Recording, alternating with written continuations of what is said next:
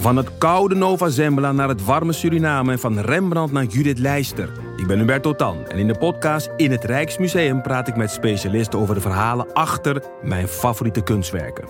Nieuwsgierig? Beluister nu de nieuwe afleveringen. Luister jij al naar de podcast Co en Zo? Ik ben Rick Paul van Mulligen. Ik ben Nina de Lacroix en samen met jouw man René voeden wij twee kinderen op in twee huizen. Co-ouderschap. We hebben het over alles wat je daarin tegenkomt. Maar ook over de juice tijdens onze kinderloze dagen, want die heb je ook in het co-ouderschap. Een podcast voor alle ouders in alle vormen, maar ook voor alle mensen zonder kinderen. Zijn we eerlijk, heerlijk herkenbaar. Dus luister naar Co en Zo in je favoriete podcast-app.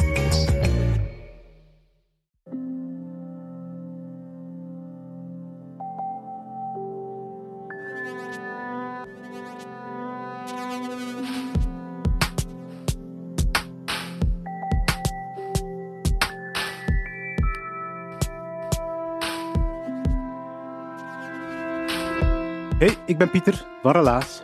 Relaas hoor je waar gebeurde verhalen en die worden verteld door de mensen die ze zelf hebben meegemaakt. Voor we aan de podcast beginnen, even een klein momentje voor Mieke. Mieke, jij vriendin van de show, jij. Hopelijk vind je het oké dat we gaan luisteren naar het relaas van Kenny. Kenny vertelt in dit relaas hoe hij een gezonde obsessie voor theater opdoet, maar ehm, die valt een beetje moeilijk te combineren met een klein medisch probleempje van hem. Hoezo? Hij vertelt het in Huset in Gent in mei van 2022.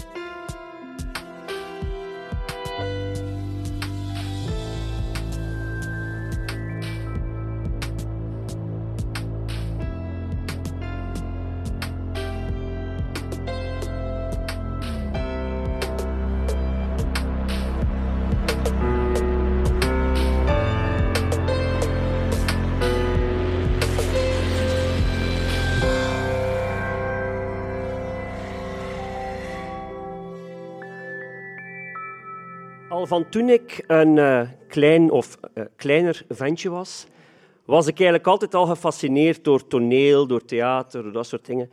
En toen ik ongeveer vijf jaar was en er een schoolvoorstelling was, De Juf is ziek, eh, moest ik een, een dokter spelen, de hoofddokter. En ik had toen mijn pols echt gebroken. Ehm, ik was op een podium gewoon van een tafel gestuikt, wat wel typisch was voor mij. En ik kwam op met mijn arm in het gips en ik kreeg een enorme lach. En dat was als een eh, soort orgastische ervaring voor mij op die moment al. En ik was iets van, alright, dat is wat ik voor de rest van mijn leven wil doen. Ehm, na heel wat omzwervingen zijn we dan wel in die sector eh, terechtgekomen. En heb ik ook eh, mijn vrouw Katrien, de kippenslachtster, ontmoet. En hebben we, zijn we die passie beginnen delen op en naast het podium eigenlijk. Ehm, nu, een van de dingen dat we graag doen, is naar toneelvoorstellingen gaan kijken, hier, maar ook in het buitenland. En eh, we begonnen eigenlijk steeds meer, in pre-covid-tijden natuurlijk, eh, naar Londen te gaan om daar naar voorstellingen te gaan kijken. Dus niet echt een musicalvoorstellingen of zo, maar gewoon voorstellingen met ja, teksttheater. Het was zelfs zo dat, we de, de Shakespeare-voorstellingen beter begrepen soms in het oud-Engels dan in bepaalde vertalingen die hier in Vlaanderen of in Nederland werden vertoond. Dus we begonnen ons daar wel goed te amuseren en dat was zo'n beetje een jaarlijkse guilty pleasure aan het worden om daar naartoe te gaan. Nu, eh, op een bepaald moment ehm, hadden we zo wel ongeveer alles dat we wilden zien gezien. En we hadden niet echt per se zin om naar Les Miserables te gaan of zo. Dus we dachten, eh, ja, wat staat er nog eh, op de planning of wat staat er nog op het programma dat, me, dat ons eventueel wel zou kunnen interesseren? En een van die eh, voorstellingen was, of is, is The Cursed, Cursed Child, een soort Harry Potter spin-off door J.K. Rowling geschreven. En dat is een nogal extreem lange voorstelling in twee delen van drie uur, eh, die eh, wel wat tijdsinvestering vraagt. Eh, en, ehm, maar goed, niet zo simpel om aan tickets te geraken, want iedereen was daar blijkbaar een grote fan van. Maar na een heel lange periode kregen we toch, hadden we toch eindelijk tickets bemachtigd voor die voorstelling. Yay! Dus vol goede moed daar naartoe. Maar we wisten wel, dat zijn twee delen. Oftewel doe je beide delen op één dag, oftewel verspreid, verspreid je dat over twee dagen of zo. Maar wij hadden het geluk, eh, tussen aanhalingstekens, om het op één dag te hebben. Dus eh, s ochtends, oh, rond tien uur of zo, gingen wij naar die zaal. eh staat daar een heleboel mensen aan te schuiven. We hebben ons tickets. We gaan naar binnen. En in die zaal was het nogal... Het was een grote zaal, er konden heel veel mensen zitten, maar het was een beetje... of toch zeker de plaats waar wij zaten, waren nogal claustrofobisch. Nogal een lage plafond, iedereen heel dicht bij elkaar. Niet zo gezellig als hier. Er was niet zoveel zuurstof. Ik zal het, ik zal het zo uitdrukken. Dat eerste deel duurt drie uur. Ehm, ik herinner mij daar amper iets van. Ik was een beetje tranceachtig aan het kijken naar wat er aan het gebeuren was. Ik vond het ook niet echt geweldig goed, als ik me goed herinner. Eh, maar bon, we geraken daardoor. We hebben dat eerste deel gezien. Ça va. Pauze. We hebben een lunchpauze, of je hebt in ieder geval een paar uur tijd om u te ontspannen, zoals je zelf wenst. En eh, ja, het is centrum Londen. Eh, wat doe je dan? Denkt je, wel, dan ga je het meest kitscherige theehuis gaan opzoeken om daar een uur of twee te gaan doorbrengen. Dus dat deden we. Een verschrikkelijk glazen eh bouwsel met heel veel goud en, en tierlantijntjes. We drinken daar een of andere rare thee en we besluiten daar ook een, iets te eten op de middag. Ik herinner mij dat het vis of zalm was. Dat is iets dat we later nog gaan nodig hebben in dit verhaal. En ehm, we overleven die lunch en we gaan terug, want om vier uur begon dat tweede deel al van eh die Cursed Child. Goed, weer drie uur, we nemen plaats, we bereiden ons voor. We hadden wel zoiets van, het is wel een heel lange rit aan het worden op dit moment. Tweede deel begint eh, en die voorstelling loopt tot op een bepaald moment... eh, ja, het is een voorstelling met heel veel trickery. Er zijn heel veel effectjes, heel veel toestanden, spookverschijningen die rondhangen. Het is een beetje ja, een halve hoochelshow, halve voorstelling eigenlijk. Ehm, we zitten daar naar te kijken en op een bepaald moment komt voor de Harry Potter-fans het personage dat Voldemort is, de bad guy van het verhaal, waagt zich in het publiek. De voorstelling heeft zo'n beetje de apotheose. Het wordt heel creepy, heel donker. Er zijn bliksemflitsen, er vliegen van die gedrochten half over het publiek. En ik voel bij mezelf een soort van lichte tinteling in mijn lichaam. Ik zo, "Hmm, ik voel mij precies niet zo geweldig op dit moment. Wat zou daar de reden van kunnen zijn? Zo slecht is het nu toch ook niet? En op het moment dat ik dat voel, is het eigenlijk al te laat. En ben ik weg. Ik ben weg. Ik ben er niet meer bij op dat moment. Dus ik zit daar met een gat van ik weet niet hoe lang. Het volgende dat ik me herinner, is dat ik schreeuwend, schreeuwend op vol volume in die zaal wakker word, in een soort van aanvalsmodus, maar schreeuwend alsof dat de hel er is of zo. Ik heb geen idee wat er gebeurt, want in die schreeuw ontwaak ik eigenlijk. Het is zo van, in het moment dat ik denk, huh? En ik heb zoiets van, wat is er aan de hand? Nu, Katrien zit naast mij, mijn vrouw zit naast mij, die heeft mij in een rare eh, houding vastgekneld. Op mijn rechterknie voel ik de hand van een vreemde man. Ik denk, wat zij dan doen, meneer? Ehm, achter mij zitten er een paar eh, Japanners in het publiek. Die hingen letterlijk tegen het plafond. Toegeven, het was een laag plafond, maar ze hingen er wel tegen. En, en ik heb zoiets van, wat is er aan de hand? Waarom is er iemand aan het roepen? Niet eens beseffende dat ik het ben die aan het roepen is. Nu, Katrien die heeft mij vast en die fluistert zo subtiel mogelijk, als dat dan nog ging helpen, eh, je hebt een aanval gehad. En ik zo, een aanval? Nu, ik moet er even terugkeren, even een flashback inlassen. Ik had in het verleden zoal iets gehad. Toen ik acht jaar was, was ik in een lunapark ergens aan, aan de zee, aan de kust, een spelletje aan het spelen, een, een Street Fighter 2 voor de fans. En ik had toen een soort epilepsieaanval gekregen. Eh, ik was toen wakker geworden in het ziekenhuis van Blankenbergen. Mijn moeder lag naast mij in het ziekenhuis. Ik moest ook weer over haar gaan. Omdat ze aandacht, eh, omdat ze vond, ze was ook ongemakkelijk geworden, omdat ik ongemakkelijk was geworden. Typisch mijn moeder. Classic mijn moeder. Maar wat. maar dat is voor een andere, een andere helaas. Ehm, jaren later, jaren later, toen ik 18 of zo was, heb ik een keer een longontste- longontsteking gehad en had ik heel hoge koorts. En dan heb ik ook zoiets voorgevallen. En dan nog veel jaren later, toen was ik wel al samen met Katrien, zijn we eens op eh, vakantie geweest in een zeer creepy huisje in Wallonië, waar allemaal opgezette konijnen stonden. En ik ben absoluut niet, eh, ik geloof absoluut niet in het bovennatuurlijke, maar ik weet wel dat ik toen zei, hier hangt iets. En ik ben toen s'nachts wel wakker geworden eh, met, een, met een night terror eigenlijk. Dus daar leek het heel hard op. Dus terug naar die zaal. Ik lig daar in die zaal zowat te dampen in een soort aanval. Ik moet er ook nog bij vermelden, ik heb nooit de diagnose epilepsie gekregen. Ik heb onderzoeken gehad, ze hebben mij getest. Ik heb op een bepaald moment gevraagd, als ik het heb, geef mij een pil, dan kunnen we er iets aan doen. Nooit iets mee gebeurd. Dus ik had altijd zoiets van, oké, dat is in het verleden, dat gaat nu niet meer gebeuren. Het was eigenlijk nog nooit echt gebeurd sinds dat ik met Katrien samen was. Dus ik dacht, dat is voorbij. Maar goed, ik lig daar in die zaal uh, en, en op dat moment dat dat gebeurd is, net daarna, is de voorstelling eigenlijk gedaan. Het is het einde van de voorstelling. Dus iedereen staat recht en begint zo gestaag, heel rustig, uh, naar de uitgang te lopen. Nu, ik begin met ik besef ondertussen van, iedereen hier heeft dat gehoord, die acteurs hebben dat gehoord. Oh nee, ik ben zo beschaamd dat dat nu gebeurd is. Wat, hoe erg voor die spelers. Ja, ik ben nogal een altruïst op dat vlak. Zo. Um, maar eigenlijk heb ik zoiets van, ja, ik, ik moet die proberen zo snel mogelijk uit te geraken uit deze rare situatie. Maar ik raak daar niet zo snel uit, want ja, dat zijn van die stoffen zetels en iedereen moet daaruit, iedereen moet daar passeren. Ik zit eigenlijk vast. Maar dan moest het ergste eigenlijk nog komen. De man die naast mij zit, die, uh, die mij een beetje proberen helpen heeft tegenhouden, die besluit uh, ja, het pand te verlaten, wijselijk het pand te verlaten, denk ik. En uh, al de mensen, ik voel wel een beetje een rare sfeer rond mij natuurlijk, want iedereen heeft zoiets van, wat is er nu net gebeurd met die mens? Is die oké? Wat betekent dat? Moeten wij hier een ambulance bellen? is Satan hier? Dat, Voldemort in het publiek, was dat echt of zo? Doet hij mee met de voorstelling? Al die vragen gaan duidelijk door hun hoofd en ook door dat van mijn vrouw, denk ik. Um, maar voor mij, zo in de, in de rij voor mij, zit er een lieftallig oud Amerikaans bommaatje zo. Met zo'n hoedje over haar hoofd. Zo'n een beetje een samengedrukt gezichtje, maar super schattig eigenlijk. En die kijkt naar mij en die zegt, oh, ben je oké, bla bla bla. En ze haalt een waaiertje boven en ze begint mij zo heel zacht, heel lief met dat waaiertje zo wat, zo wat een beetje lucht te geven. En ik, ga zo'n beetje rechtop zitten en ik denk, ah, het is voorbij.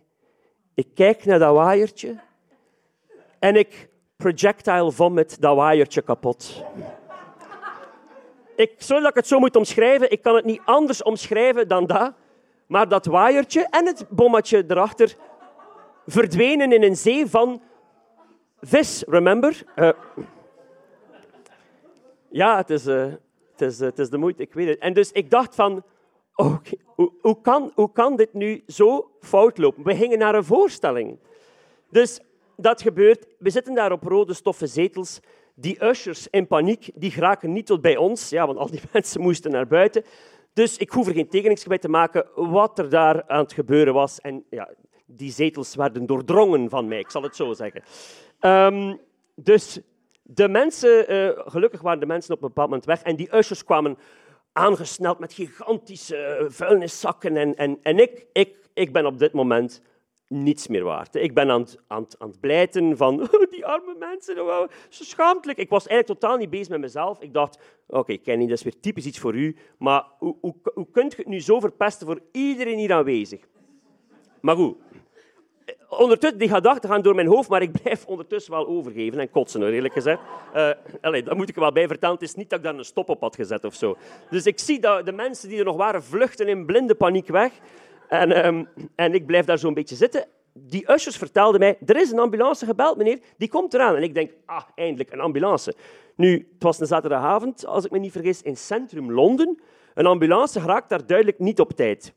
Uh, ze hadden ook niet precies de intentie om mij te komen halen en later bleek dan ook wel waarom. Dus ik zat in die lobby toen ik uiteindelijk uit die zaal was weggeleid. Ik denk dat ze niet snel genoeg mij uit die zaal konden krijgen. Ik zag meteen een team van mensen uh, met maskers en allerlei uh, apparaten om dat te gaan op te kuisen, maar ik denk dat het een beetje een verloren moeite was. Ik denk dat ze nieuwe zeteltjes gaan moeten geïnstalleerd hebben. Dus ik zit in die lobby te, te wachten op een ambulance die maar niet komt, volledig van de kaart ik, ik ben tegen die mensen bezig van die, van die theaterzaal. Moet ik mij niet gaan verontschuldigen bij die acteurs? Moet ik, niet, uh, moet ik een keer niet terugkomen of zo? Dat wilden ze duidelijk niet. Um, dat was zeker niet nodig. En dan ben ik zo uh, heel voorzichtig, ondersteund door Katrien onder andere, begeleid naar een ambulance toen die er eindelijk was, op dat plein. Um, en in die ambulance gestoken. En het eerste dat die ambulanciers tegen mij vroegen was, hoe zat zij de meneer? En ik zo, maar ik, ben, ik, ik, had, ik had die dag niets gedronken. Ik was heel nuchter, maar ik dacht, ik heb echt geen alcohol gedronken, maar het was duidelijk dat die ambulanciers op een zaterdagavond in Londen vooral oproepen kregen van mensen die te dronken waren of die eh, allerlei zaken hadden uitgespookt. Dat was bij mij niet echt het geval. Ik wou gewoon zo snel mogelijk naar een rustgevende situatie. In die ambulance zijn we een beetje, beginnen, uh, een beetje beginnen babbelen. Ik begon mij wel al beter te voelen, het was nog niet zo erg, maar die mensen waren wel... Uh, ja, die vonden het zeker niet zo aangenaam. Alles dat ik aan had was ja, kapot. Ik kan het niet anders noemen dan dat. Het was kapot, de geur was verschrikkelijk. Ja, sorry, ik kan het niet anders uitdrukken dan dat. Het was een verschrikkelijke situatie. Dat, dat, ziekenhuis bleek ook nog niet bij de deur te zijn. Ik denk, hoe, hoe, hoe is het in godsnaam mogelijk? Maar bon, ik ben er dan uiteindelijk binnengeleid.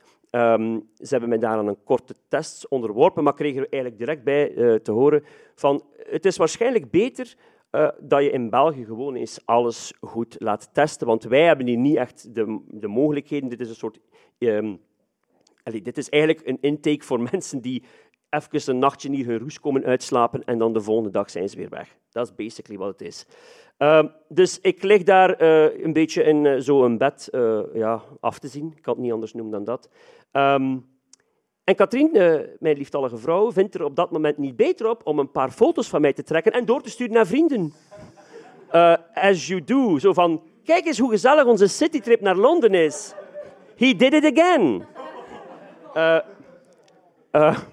En terwijl ik in dat ziekenhuisbed lag, kreeg ik berichten van mijn vrienden die zeiden van, we hebben net deze foto ontvangen. Ha, ha, ha, ha. Ja, dat zijn zo goede vrienden wel eigenlijk. Um, dus ik heb daar even een paar uur uh, gebleven en toen hebben ze mij vriendelijk verzocht om het pand te verlaten met al mijn kledij in een soort uh, ja, in een zakje. Ik uh, had toen gewoon zo'n ziekenhuisschort aan, aan de achterkant open. Uh, Katrien heeft mij haar jas gegeven. Ik, uh, ik heb een foto bij voor mensen die het willen zien hoe ik er op dat moment uitzag. Het is geen fraai plaatje trouwens.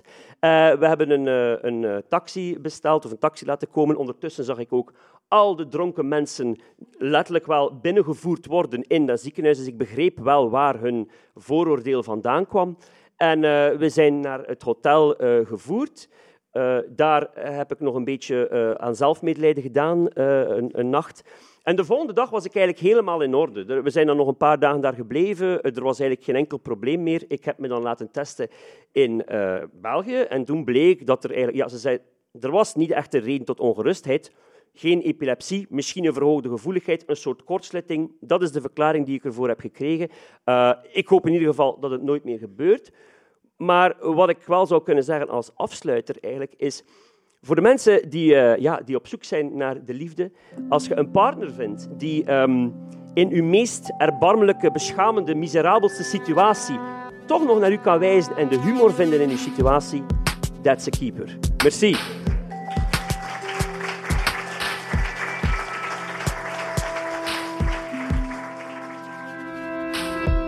Dit was het relaas van Kenny heeft het verteld in Gusset in Gent in mei van 2022. Heeft het toen op dezelfde avond verteld als zijn vrouw Katrien, was best wel grappig. Uh, Kenny en zijn vrouw Katrien zijn trouwens fulltime entertainers. Kenny is zaakvoerder van Compagnie Amai, dat is een Gents improvisatietheater. En naast entertainen doen zij ook cursussen en workshops aan improvisatie. Uh, heel veel linken met Relaas, al is er natuurlijk een ander doel en een andere context, een andere sfeer, maar uh, live op het podium staan en leuke dingen vertellen, uh, dat is toch een beetje hetzelfde als bij Relaas.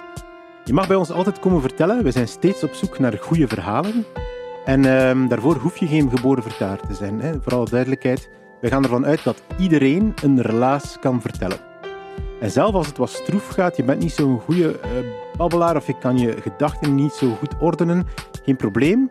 Vanaf het moment dat je zegt ik heb een goed verhaal en je pitcht het via ons op www.relaas.be, dan krijg jij een relatiecoach toegewezen. Uh, wij kiezen eerst de verhalen uit die we interessant vinden en die krijgen een relatiecoach toegewezen.